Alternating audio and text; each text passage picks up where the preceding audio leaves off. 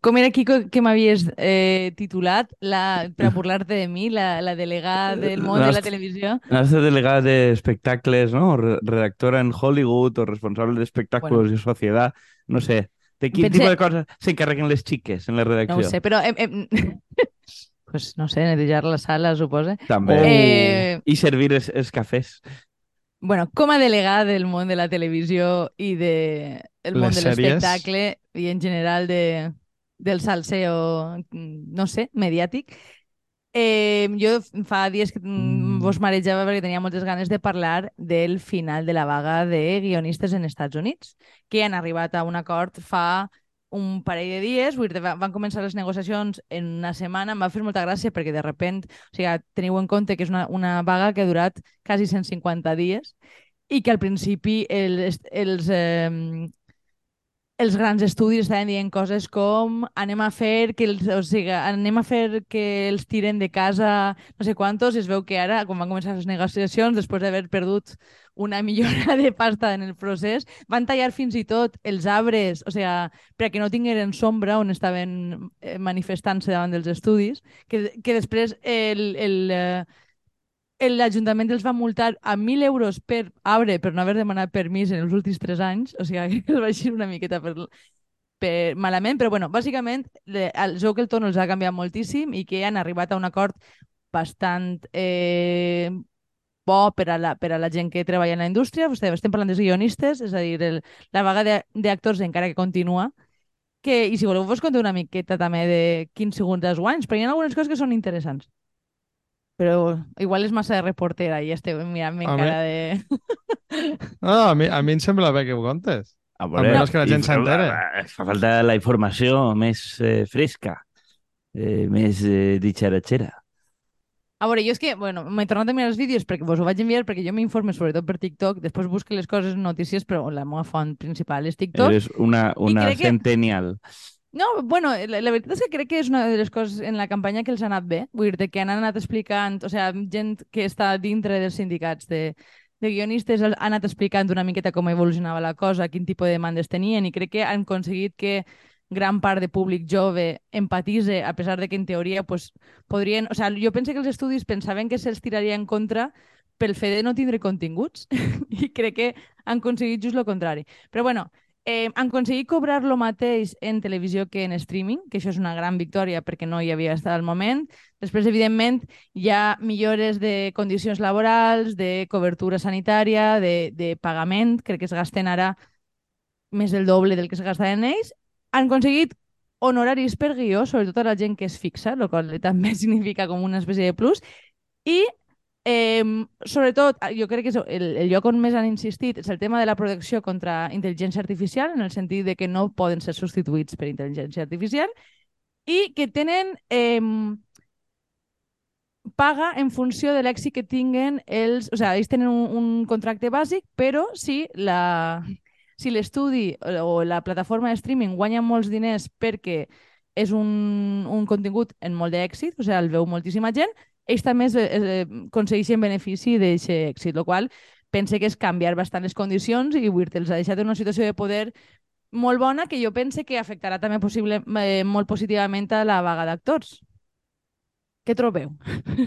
Jo la veritat que, eh, bueno, una primera que tot que trobo que pots treure moltíssimes eh, vull dir, coses positives d'això, sobretot per altres sectors, que suposo que ara també entrarem, eh, però sobretot que al final dius, hòstia, algo tan simple com que si tu has produït algo eh, que a lo millor en el món de la música està clar que està tot més repartit, depèn si ho fas en productora o no, però que tu t'emportes una part de lo que tu has de lo que és la teva creació de l'obra és com algo que és molt, molt típic en, en altres mons, com per exemple de la música, encara que és un percentatge molt baixet, el tema de lo que t'emportes d'haver-ho fet, eh, que no existirà això també explica bastant la, la, les condicions de merda que tenia esta gent i el que han aguantat, saps? Perquè estaven com dia ara vi el dia del seu programa, se'ls paga en ego i com se te paga en ego, pues suposa que ja donen per sentat que lo de pagar el lloguer i tal no fa falta.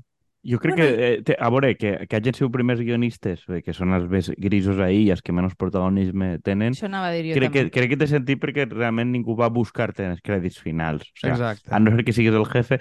De fet, tradicionalment, o sea, la- l'autoria en audiovisual estava molt connectada al director, no? Vull dir, després Mm. així el tema dels productors audiovisuals, crec que només a partir de l'època de The Wire i tal es comença a pensar en qui és l'escriptor i, de fet, comencen a gastar el rotllo d'escriptor més que guionista. Vull dir, guionista Sí. sí. continua sent una cosa com connotada de machaca, entonces, qui ha escrit la història, o, eh, crec, crec que normalment en, en eh, produccions americanes es diu eh, original story, no sé què, no sé quantos, no? Sí. Dir Que n'hi ha com una història de suport que pot ser però que una a més, o adaptació. sea, ells, ells en la vaga, de fet, utilitzen sempre el concepte de writer.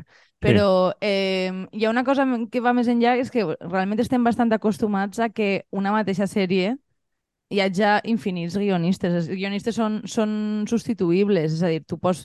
Cada, de fet, cada capítol, vull dir, normalment sol haver una persona que està més en plantilla, però després sempre tens a gent que convides i gent que escriu eh, els guions per a un, un capítol determinat. Per tant, jo, jo no sé si en este cas aplica massa el tema de l'ego, perquè tu no, no, no, no veus la foto de, de qui escriu quan estàs fent. Com a molt veus no, clar. del productor. El productor Més- sí que es, pensa Sí. que té més, més protagonisme en aquest sentit. Més que l'ego, aquí igual sí que seria el rotllo de, bueno, pues fas currículum, saps? Que és la típica tonteria de, no, tu has treballat en no sé qui, en no sé quina sèrie que ha tingut èxit, per tant, fas currículum. Vull dir, les típiques fal·làcies que es venen sempre en el mercat del treball, que trobo que a tots mos sona de, bueno, és que treballes en aquesta empresa de becari, però bueno, fas currículum perquè està ben vista o el que sigui, saps? A veure, sí, bueno. a veure, també que, que, que jo crec que guanya prestigi quan, per exemple, eh, gent tipus còmics han anat clavant-se en el sector i Clar. sí que es, escriuen coses i, i, Sí, i el que sí, diem, sí. no? El, el moviment per dir-se escritor és quan ve gent com de certa importància que ja treballa fora i que s'escriu els seus propis espectacles o que ha escrit coses concretes i que sí que escriu algo determinat i ahí sí que s'ha prestigiat, no? Això ho ha escrit tal, és este el que ho ha fet i, i han- t'he dit de copiar, perquè ja va haver una altra vaga, pot ser que fora 2008 o 2009 o per ahí, Sí. la famosa que va deixar eh, Lost i Héroes i no sé quantos a mitges. Jo no, tu tens idea de què demanaven en aquell moment? Perquè Pues- en teoria van tindre èxit, però... La veritat és que no ho recorde. Jo sé que de- després, a, a posteriori, també hi ha hagut alguna, algun intent de vaga, perquè si recordeu, en Bojack Horseman van fer un, una segona sèrie que era més orientat a públic femení, que es deia Tuca i Berta, que estava a Netflix també, que van cancel·lar perquè els guionistes estaven implicats en, en una proposta de vaga i, i directament els van fer fora. Eh, M'ho puc investigar per a, per a futures eh, coses. El tema és que a mi el que m'interessa de la vaga de... es- Esta vaga, vull dir més enllà de, del gran èxit que ha tingut, perquè a més és que, vull dir eh, mm, re, mm, recordeu que abans de l'estiu, eh, sobretot en mitjans de, de televisió, i, o sigui, en mitjans comunicatius i en, en xarxes, etc, hi ha hagut una gran campanya per a donar por de mm, molt... O sigui, la última... De, m'ha- és que m'ha recordat en el que estaves dient. Estic intentant parlar un poquet més, més lent perquè tinc la sensació de que la primera part del programa s'hauran de posar a 0,5 per a poder escoltar-me el que dic perquè sempre bé, vas quan bé. tinc molta informació. Però bueno, que una, una de les coses que dient és, recordeu que en la vaga de 2008 la major part de sèries que, que estaven en vaga després eh, mai van ser renovades o van tardar com 3-4 anys en tornar-se...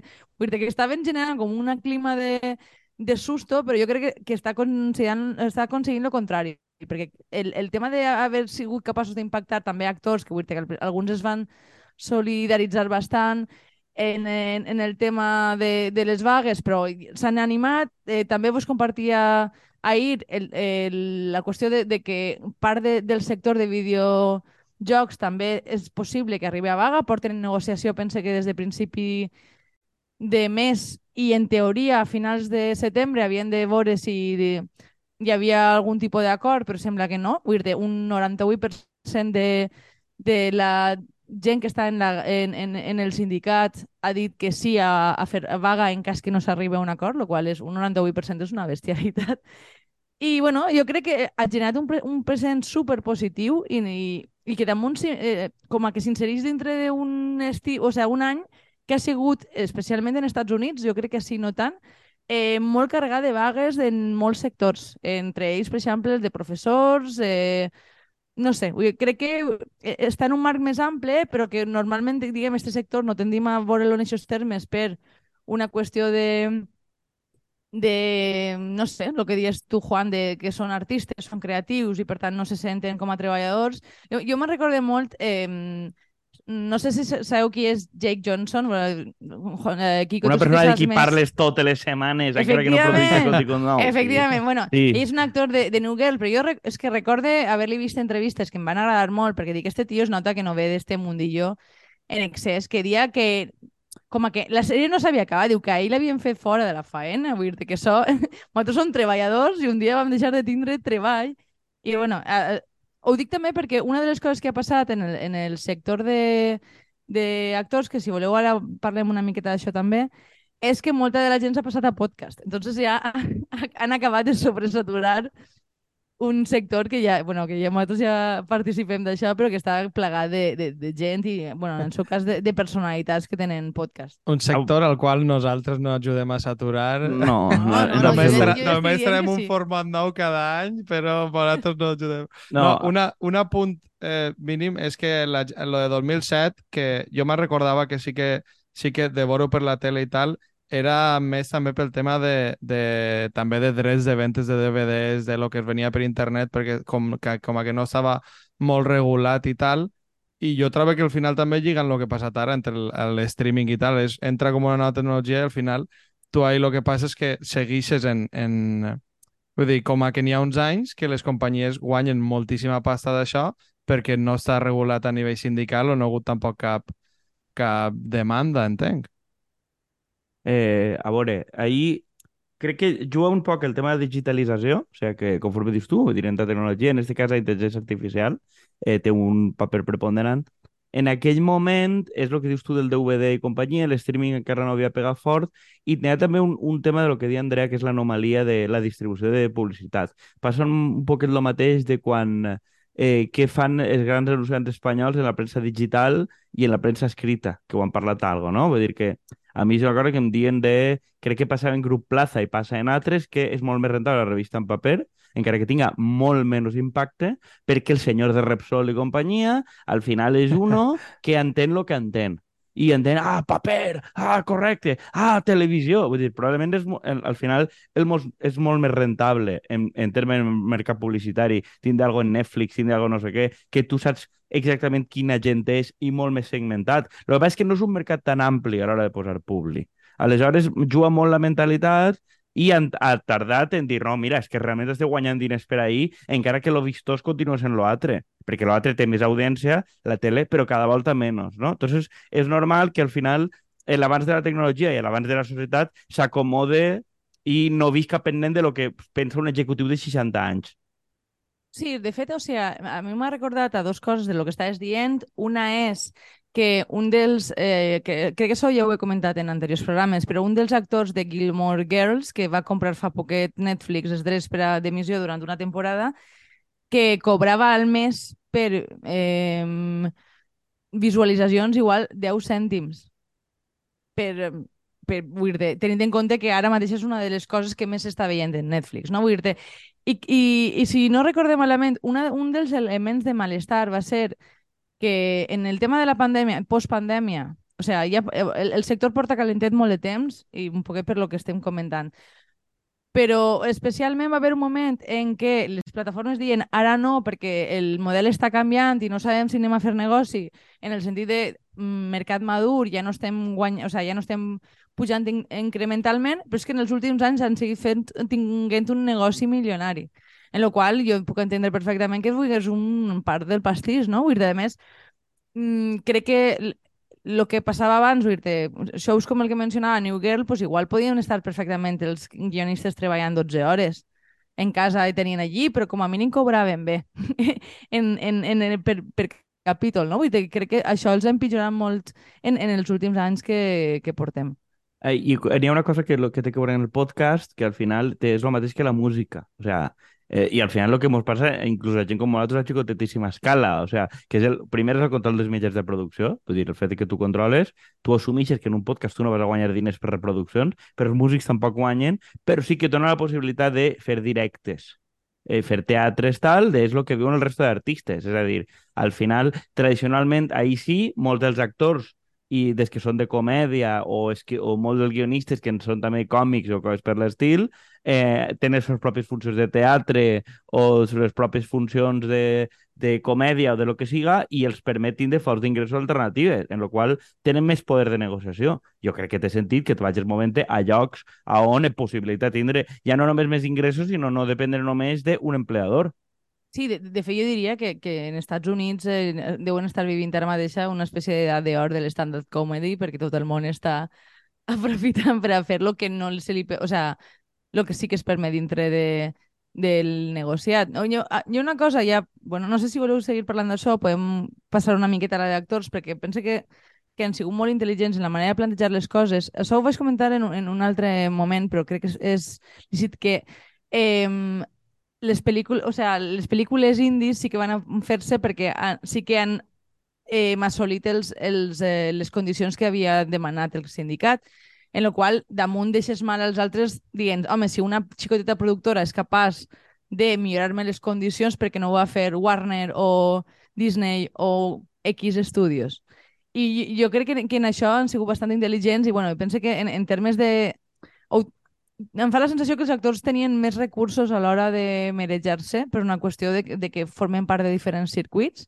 També que, vull dir, han aconseguit també implicar a moltíssims actors i gent de, de primera línia que han venut coses. Vull dir, jo he estat molt obsessionada en, en tot el que ha passat estos mesos per el tipus d'accions que han fet, el tipus, la, la, vendre discos signats, anar a ta casa a cuinar-te algo privat, a fer conversa. Vull dir, han fet tota una classe de, de coses, no sé si Oprah va, no sé quants milions d'euros n'hi ha hagut invertits en la vaga perquè la gent principalment no la facin fora de casa, vull dir mm. que, vull dir que el risc era real, però vull dir crec que sí, el fet de que hi ha hagut bastant unió dintre, de, dintre del sindicat ha permès eh, aguantar ja, però, en prou però, solidesa. Això està bé, però és un poquet estètica, perquè al final és gent que té milions i milions de seguidors és gent que té milions de seguidors i, i té capacitat, crec jo, de, de replegar diners directament.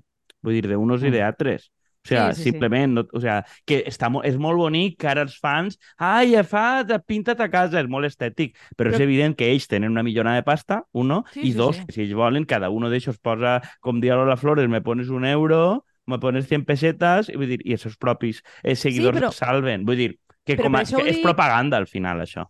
Ja, però per això justament dir que crec que ho tenen més senzill, vull dir, perquè no, no crec que hi hagi tants guionistes que s'hagin fet milionaris, honestament. Ah, això sí, claro que no. Que això no, dic que els actors ho tenen molt més fàcil per ti de base de seguidors, ja està. Ten, no, altres... tenen base de seguidors, tenen diferents recorreguts, tenen, o sigui, tenen moltes maneres de sobreviure, sobretot si, si diguem, els que estan en la part dalt fan una miqueta d'ajuda als de baix, però dir que per això justament em pareix com especialment cridaner que hagi sigut els guionistes, els, la, la, la vaga de guionistes la que ha caigut abans. Bueno, jo també perquè són els que són més tre treballadors i els que igual poden aguantar menys temps eh, estirant la corda, saps, també? Perquè és veritat que tu no pots... No sé, en el cas d'esta gent, dels actors, està clar que la majoria igual no estan guanyant pastissars, però si ja tens gent donant pasta i fent coses famosos que no sé, com que la caixa de resistència és major, pues entenc que els altres també tindran altres, eh, no sé, incentius també per, pel simple fet de parar i, i aconseguir un, un acord quan abans, que si no hi tot, els ho han, bueno, els xics i xiques ho han, ho han allargat bastant també. També crec que hi ha un element eh, bastant important, el tema que són treballadors de cares molt conegudes. Clar. Mireu el que li ha passat a Jimmy Fallon. Vull dir no em pareix casual que en, mm. enmig de negociacions, de, de, perquè vull dir, sí, principalment els que més afectats són són els que tenen programes en, en directe i coses així, mm. tipus talk shows i coses així, que aparega que és un alcohòlic i que maltracta el d'això, enmig de, no sé, o sigui, hi ha hagut diverses estrelletes ahí que tenen molt a perdre. Vull dir que, de fet, hi ha hagut en moments en què han intentat posar diners de la seva butxaca per a trencar el piquete per, perquè no tenen res a fer. I Vull dir, aquesta gent també ha intentat eh, anar-se'n a podcast, però és que probablement sense ningú darrere no són ningú. Bueno, però és lo que, molt, de lo que, molt de lo que va passar en, eh, en pandèmia i tal. O sigui, que molts dels que se van anar a, a, des de casa, si no tenien guionista darrere i no tenen mil càmeres de televisió, no són per a tant.